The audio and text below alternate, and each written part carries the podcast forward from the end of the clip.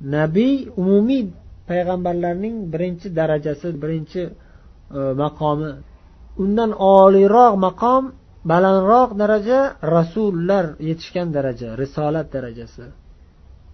Rasululloh muhammad ibn abdulloh sollallohu alayhi vasallam albatta ham nabiy bo'lganlar birinchi iqro surasi nozil bo'lganda iqro bismi robbikallazi xalaq xalaqal insana min alaq deb alloh taolo payg'ambarimiz sallallohu alayhi vasallamga birinchi vahiy qilganda iqro surasi nozil bo'lganda payg'ambarlik maqomiga ko'tarilganlar. Undan keyin ya ayyuhal muddassir qum faanzir robbaka fakabbir. Ey o'ranib yotgan odam o'rningizdan turing ogohlantiring odamlarni deb elchi qilib yuborganda alloh taolo rasul darajasiga ko'tarildilar. Yana bir hadisda rasululloh sollallohu alayhi vasallam aytadilarki kanat banu isroil tasusuhumul anbiya.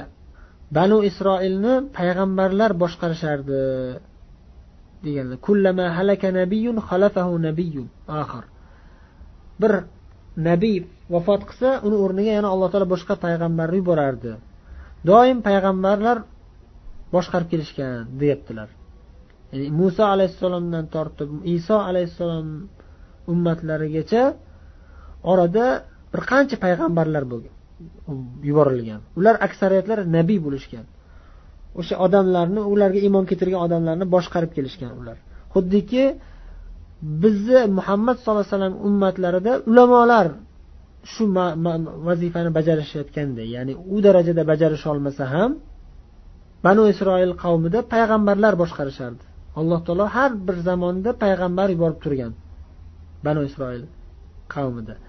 Lekin payg'ambarimiz sallallohu alayhi vasallam eng oxirgi payg'ambar. U kishidan keyin nabiy ham chiqmaydi rasul ham chiqmaydi. Rasululloh va xotamun nabiyin dedi alloh taolo payg'ambarimizni. Allohning rasuli va xotamun nabiyin nabiylarning oxiri. Ya'ni nabiy chiqmagandan keyin rasul ham chiqmasligi darkor aniq bo'ladi. Chunki hech qachon rasullik darajasiga hech qaysi bir banda yetishmaydi oldin nabiy bo'lmaguncha. Bizni ummatimizda demak payg'ambar bo'lmaydi. Ularning o'rnini bosadigan odam bo'lishi kerak. Kim bo'ladi? Ulamolar. Shuning uchun boshqa hadisda al ulama varasatul ambiya dedilar. Ulamolar payg'ambarlarning merosxo'rlari dedilar. O'sha payg'ambarlarni yo'lidan yuradigan ulamolar bu bizni ummatimizni boshqarishadi. Biz o'shalarni ilmlaridan o'rganib ilm olib o'shalarning nasihatlariga quloq solib yursak to'g'ri yo'ldan yuramiz inshaalloh. Ammo bizdan oldingi ummatlarda payg'ambarlar boshqarib kelishgan. Har bir zamonda payg'ambar bo'lgan.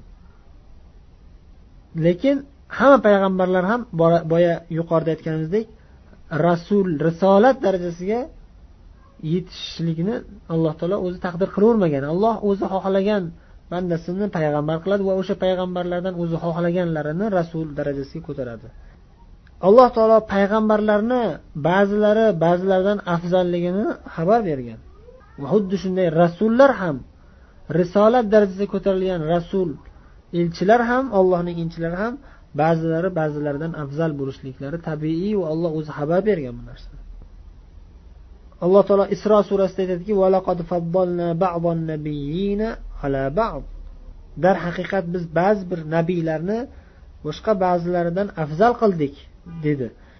Baqara surasida aytadiki tilkar rusulu ala ba'd. Ana shular ana shu rasullar tilkar rusul ana shu rasullar ala ba'd ularning ba'zilarini boshqa ba'zilarini ustidan afzal qildik dedi. Demak hamma payg'ambarlar bir darajada emas. Ba'zilari boshqa ba'zilaridan afzalroq bo'ladi va buni alloh taolo ularning qilgan harakatlari va alloh yo'lida ko'rgan aziyat musibatlarga qilgan sabrlari sobit qadamliklariga qarab o'zi har xil buyuk martabalarni har xil darajaga taqsimlagan va xohlagan payg'ambarni xohlagan darajasiga muvaffaq qilgan. Va barcha payg'ambarlar ollohning buyuk bandalari. Hammalari juda ham oliy eng buyuk maqomga ko'tarilgan insonlar. Ularni ma'sum gunohu masiyatlardan ma'sum salomat saqlangan zotlar deb bilamiz. Endi yana bir nuqtani e, zikr qilib o'tamiz. Bu ham aqidaga bevosita aloqador nuqta bo'lganligi uchun. Payg'ambarlarning payg'ambarligini qanday bilamiz? Payg'ambarlarning payg'ambarliklarini alloh taolo bergan aql bilan va ilm bilan bilamiz. Sog'lom aql egasi bo'lgan inson va haqiqatni izlagan inson albatta haqiqiy payg'ambar bilan yolg'onchi payg'ambarlarni orasini ajrata oladi. Bizni haliyam alhamdulillah alloh taoloning bizga bergan marhamatlaridan biri bizda haqiqiy payg'ambar bilan yolg'on payg'ambarlar orasini ajratishlik juda ham oson bo'lgan bizga. Lekin biz hozir umuman insoniyat haqida gapirgan gapiradigan bo'lsak aqlli insonlar qadim qadim zamonlardan haqiqiy payg'ambarlar bilan yolg'onchi payg'ambarlarni orasini ajrata bilishgan. Osongina. Alloh taolo qiyin qilib qo'ymagan bu masalani. Agar qiyin qilib qo'ysa juda ko'p odam adashib ketib qoladi yolg'on payg'ambarlarni orqasidan ketib. Unday emas. Alloh taolo oson qilib qo'ygan bu masalani. Yolg'ondan payg'ambarman deb davo qilib chiqadigan insonlarni alloh taolo o'zi sharmanda qilib qo'yadi. Oddiy aqlli odam uni yolg'onchiligini kazzobligini juda ham tez bilib oladi.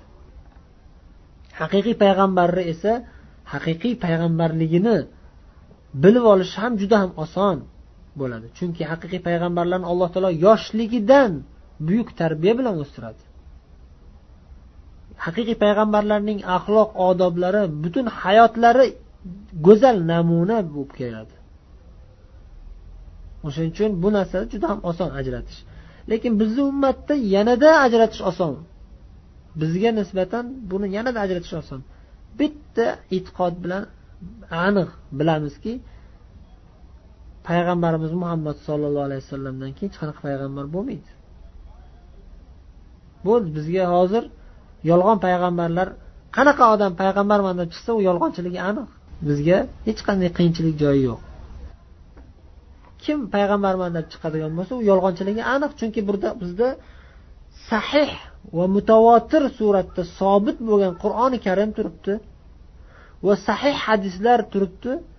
Allohning payg'ambarlarining eng oxirgisi muhammad sallallohu alayhi vasallam u kishidan keyin hech qanaqa boshqa payg'ambar kelmaydi. bu ijmo ittifoq qilingan barcha musulmonlar ittifoq qilgan qoida ochiq oyat bor ochiq hadis bor bir necha hadislar bor ochiq oyat ahzob surasida ما كان محمد أبا أحد من رجالكم ولكن رسول الله وخاتم النبيين muhammad sizlardan biron bir erkakning otasi emas biron bir erkakni otasi emas ya'ni o'g'il farzandlari katta bo'lib erkak bo'lib yetishmagan yoshligida o'lib ketgan. Biron bir balog'atga yetgan o'g'illari yo'q. Qizlari bor. Biron o'shaning uchun mirrijalikum deyapti. Sizlarni erkaklaringizni ichidan birontasini otasi emas muhammad deyapti alloh taolo. Valakin rasululloh lekin ollohning rasuli muhammad ollohning rasuli deyapti. Va aytyaptiki xotamin nabiyin payg'ambarlarning xotami eng oxirgisi deb olloh xabar berdi qur'oni karimda. Va hadisi sharifda rasululloh sollallohu alayhi vasallam aytadiki la nabiyya ba'di mendan keyin payg'ambar yo'q dedilar. Shuning uchun bizda e'tiqod aniq oydin. Payg'ambarimiz muhammad ibn abdullohdan keyin hech qanday payg'ambar chiqmaydi biz hech qachon adashmaymiz. Payg'ambarmi yoki yo'qmi? Falonchi odam rostdan payg'ambarman deyapti rostdanmikin yolg'onmikin deb boshimiz gangimaydi lekin biz insoniy sifat haqida umumiy insoniy sifat holat haqida shu masalani gapiradigan bo'lsak alloh taolo odam alayhissalomdan tortib muhammad sollallohu alayhi vasallamgacha hech qaysi bir qavmni yolg'on payg'ambarga aldanadigan qilib qo'ymagan aql bergan bizga olloh aql bergan. Butun insoniyatga alloh taolo o'ziga yarasha aql berganki o'sha aql bilan haqiqat bilan botilni ajrata oladi yolg'onchi payg'ambar bilan haqqi rost payg'ambar orasini ajrata oladi shuning uchun masalan oddiy bir misol keltiradigan bo'lsak bir ayol hadija onamiz. Hadija onamiz masalan haqiqiy payg'ambar yoki yolg'onchi payg'ambar deb ajratishliklari uchun ilmlari alloh taologa bo'lgan ishonchlari yordam berdi. Rasululloh sollallohu alayhi vasallamga birinchi vahiy nozil bo'lganda o'zlarining ayollari hadija onamizga yugurib kelganlar qo'rqib titrab kelganlar farishta kelib shunaqa shunaqa vahiy qildi. Man payg'ambar bo'lganligini bilganlarku lekin bu narsani ko'tara olarmikinman? Yoki ko'tarolmasdan manga biron bir yomonlik hodisa ro'y berarmikin deb qo'rqqanlar shu jihatdan. Jibril alayhissalom u kishiga aytgan siz ollohning payg'ambari bo'ldingiz deb aytgan. Iqro surasi nozil bo'lgandan keyin. Ana shunda hadija onamizga kelib o'zlarining suyukli ayollarini oldilariga kelib qo'rqib manga nima bo'larkin endi? deganlarida hadija onamiz nima dedilar? Hadija onamiz oldilarida bir odam erlari masalan turibdi. Bo'lgan voqeani aytyapti. Bu narsa vahiy. Vahiy endi vahiy kelyapti mana. Kimdan kelyapti? Ollohdan kelyaptimi? Yoki boshqa tomondan vahiymikin bu? Qanday qilib ajratadilar endi hadija onamiz qanday qilib biladilar bu kelgan vahiy bu gap bu hodisa alloh taolo tomonidanmikin? Yoki muhammadni masalan deylik jinlar qo'rqitib bir narsa qilmoqchimikin? Bir oddiy bir aql oddiy bir ayolni aqli inson oddiy bir inson aqli bilan hukm chiqarib aytdilarki kalla qo'rqmang aslo qo'rqadigan holat emas dedilar man qo'rqyapman deganda kalla aslo qo'rqmang abshir xursand bo'ling nimaga aytyaptilarki hadija onamiz فوالله لا يخزيك الله أبدا إنك لتصل الرحم وتصدق الحديث وتحمل الكل وتكسب المعدوم وتقري الضيف وتعين على نوائب الحق qasam allohgaki olloh sizni hech qachon xor qilib qo'ymaydi olloh sizni xorlamaydi hech qachon ya'ni jinlar boshqalar sizni aldab yolg'ondan san payg'ambar bo'lding deb turib yolg'on payg'ambar bo'lib keyin ertaga yolg'onligi ochilib sharmandasi chiqib xor bo'lish hech qachon sizga to'g'ri kelmaydi. Siz qachon siz alloh taolo hech qachon xorlamaydi sizni. Chunki siz qarindosh urug'laringizga doim yaxshilik qilib kelgansiz. Chunki siz tasduqul hadis sodiq rost gapirasiz. Gap qachon nima gap gapirsangiz rost gapirib kelgansiz. Qirq yoshgacha sizni hamma taniydi bu yerda hammamiz bilamiz. Qirq yil sizni ko'rganmiz biror marta yolg'on gapirmagansiz siz. Faqat rostgo'y bo'lib kelgansiz. Kal charchab qolgan odamlarni ko'tarib yurasiz yordam beraverasiz qariya muhtoj odamlarga yordam beraverasiz kambag'allarga yordam beraverasiz doim. Mehmonlarni hurmat qilib ikrom qilib kelgansiz. Haqiqat egalariga doim yordam mazlumlarni haq huquqini talab qilib doim siz haqiqat tarafdori bo'lib kelgansiz. Bunday odam olloh tashlab qo'ymaydi deyaptilar.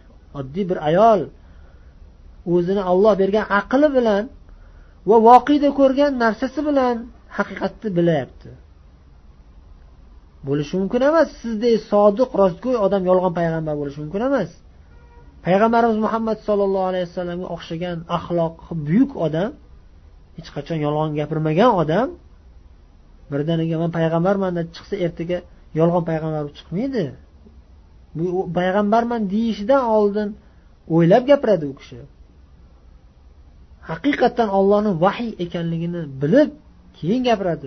Va hokazo olloh bergan aql bilan biz ajrata olamiz o'zi. Oddiy inson ajrata oladi nafaqat bu payg'ambarlik masalasida. Bu payg'ambarlik masalasida alloh taolo odamlarni adashtirmasligi aniq lekin oddiy masalalarga keling.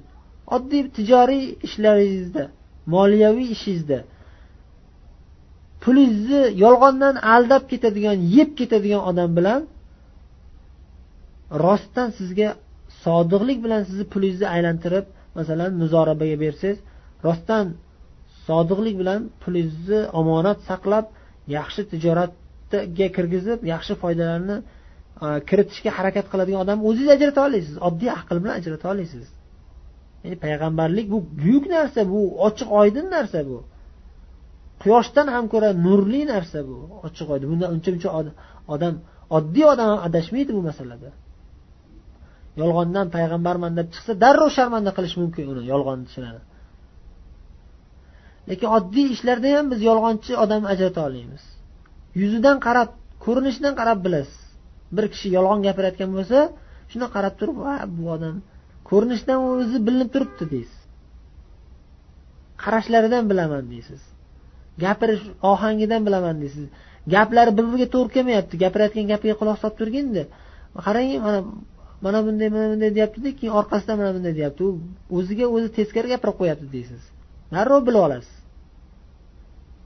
Yuzidan ham bilinadi. Shundoq ko'rinishidan qarashlaridan turishlaridan ham bilinadi. Haqiqiy rostgo'y odam bilan yolg'onchi aldoqchi odamni kallasi o'tkirroq odam ajrata oladi sal nozikroq masala bo'lsa ham lekin ajrata oladi bu masalalar ya'ni alloh taolo bergan aql bilan hal qilib topib olsa bo'ladigan nuqtalar. Alloh bizga bergan aqlni mana shunday to'g'ri ishlatishni bilishimiz kerak. Shuning uchun masalan sahobiylardan misol uchun abdulloh ibn salamni gapiradigan bo'lsak rasululloh sollallohu alayhi vasallam madinaga hijrat qilib kelganlarida muhammad degan payg'ambar keldi bizga madinaga deb xabar tarqaganda bordilar qani bir ko'raychi deb فلما رأيته عرفت أن وجهه ليس بوجه كذاب borib muhammadni ko'rganimda yuziga qarab uni yuzidan shuni darhol sezdim. Yuziga qarab turib darhol sezdim yolg'onchi emas bu odamni. Ko'rinishidan bilindi buni rostgo'yligi dedilar. Demak payg'ambarlik qanday qilib bilinadi? Bir kishini payg'ambarligi qanday qilib bilinadi? degan savolga javob shuki alloh taolo o'zi payg'ambarlarni haqiqiy payg'ambarlarni ajratib qo'yadi. Haqiqiy payg'ambarlarni o'zi olloh haqiqiy ekanligini ko'rsatadi. Oddiy holatda ham ko'rsatadi. Albatta bir mo'jiza kelishi shart emas. Mo'jiza ham beriladi. Lekin mo'jiza berilmagan taqdirda ham mo'jiza haqida xabar kelmasa ham biz aytamizki barcha payg'ambarlarning hayotlari ochiq oydin bo'lgan ularni qavmlari haqqu rost payg'ambarligini o'z aqllari bilan ajrata olishgan.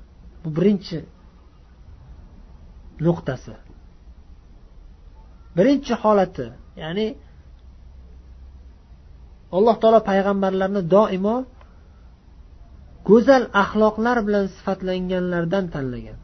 Yoshligidan hamma odamlarga namuna bo'lib kelgan go'zal axloqli rostgo'y hayotida yolg'on gapirmagan odamlardan chiqargan payg'ambarlarni va odamlarga shunday aql berganki oddiy ishlarda yolg'on gapirmagan odam alloh taologa ham hech qachon yolg'on gapirmaydi. Hech kimni nomidan falonchi odam bunaqa dedi deb turib hech kimga tuhmat qilmagan hech kimga yolg'on gapir nomidan yolg'on gapirmagan odam hech qachon alloh taologa tuhmat qilib yolg'on gapirmaydi. Olloh mani payg'ambar qildi deb.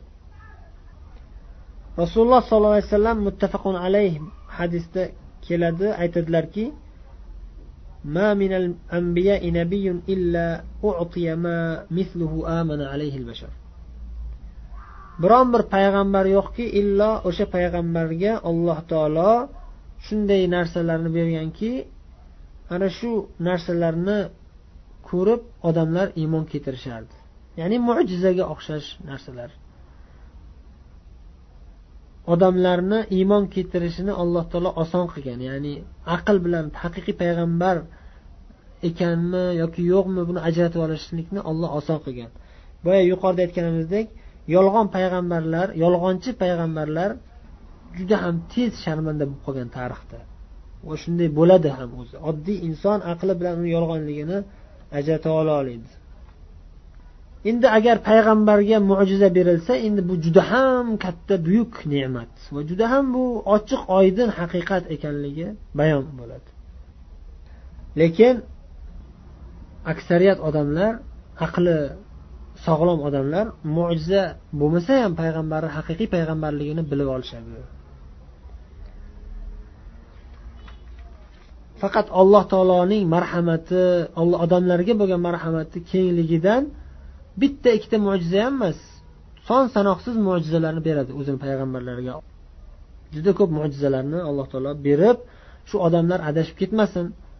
Bandalar adashib har xil fitnalarga chalg'ib ketmasin. Mana ochiq oydin mo'jizalarni ko'rib iymoni kuchayib shu payg'ambarga yaxshi iymon keltirib shunga yaxshi itoat qilib ergashib haqiqatga baxt saodatga erishsin. Shu dunyoda ham oxiratda ham deb alloh o'zini rahmatini yog'dirib payg'ambarlarga ko'proq mo'jizalarni bergan.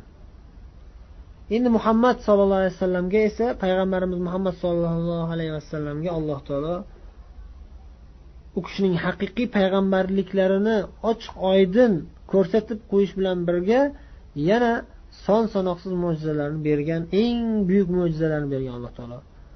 Birinchi o'rinda qur'oni karim. Qarang bir ming to'rt yuz yildan beri mana haligacha qur'oni karimni mo'jizalari davom etib kelyapti. Va qiyomatgacha davom etadi.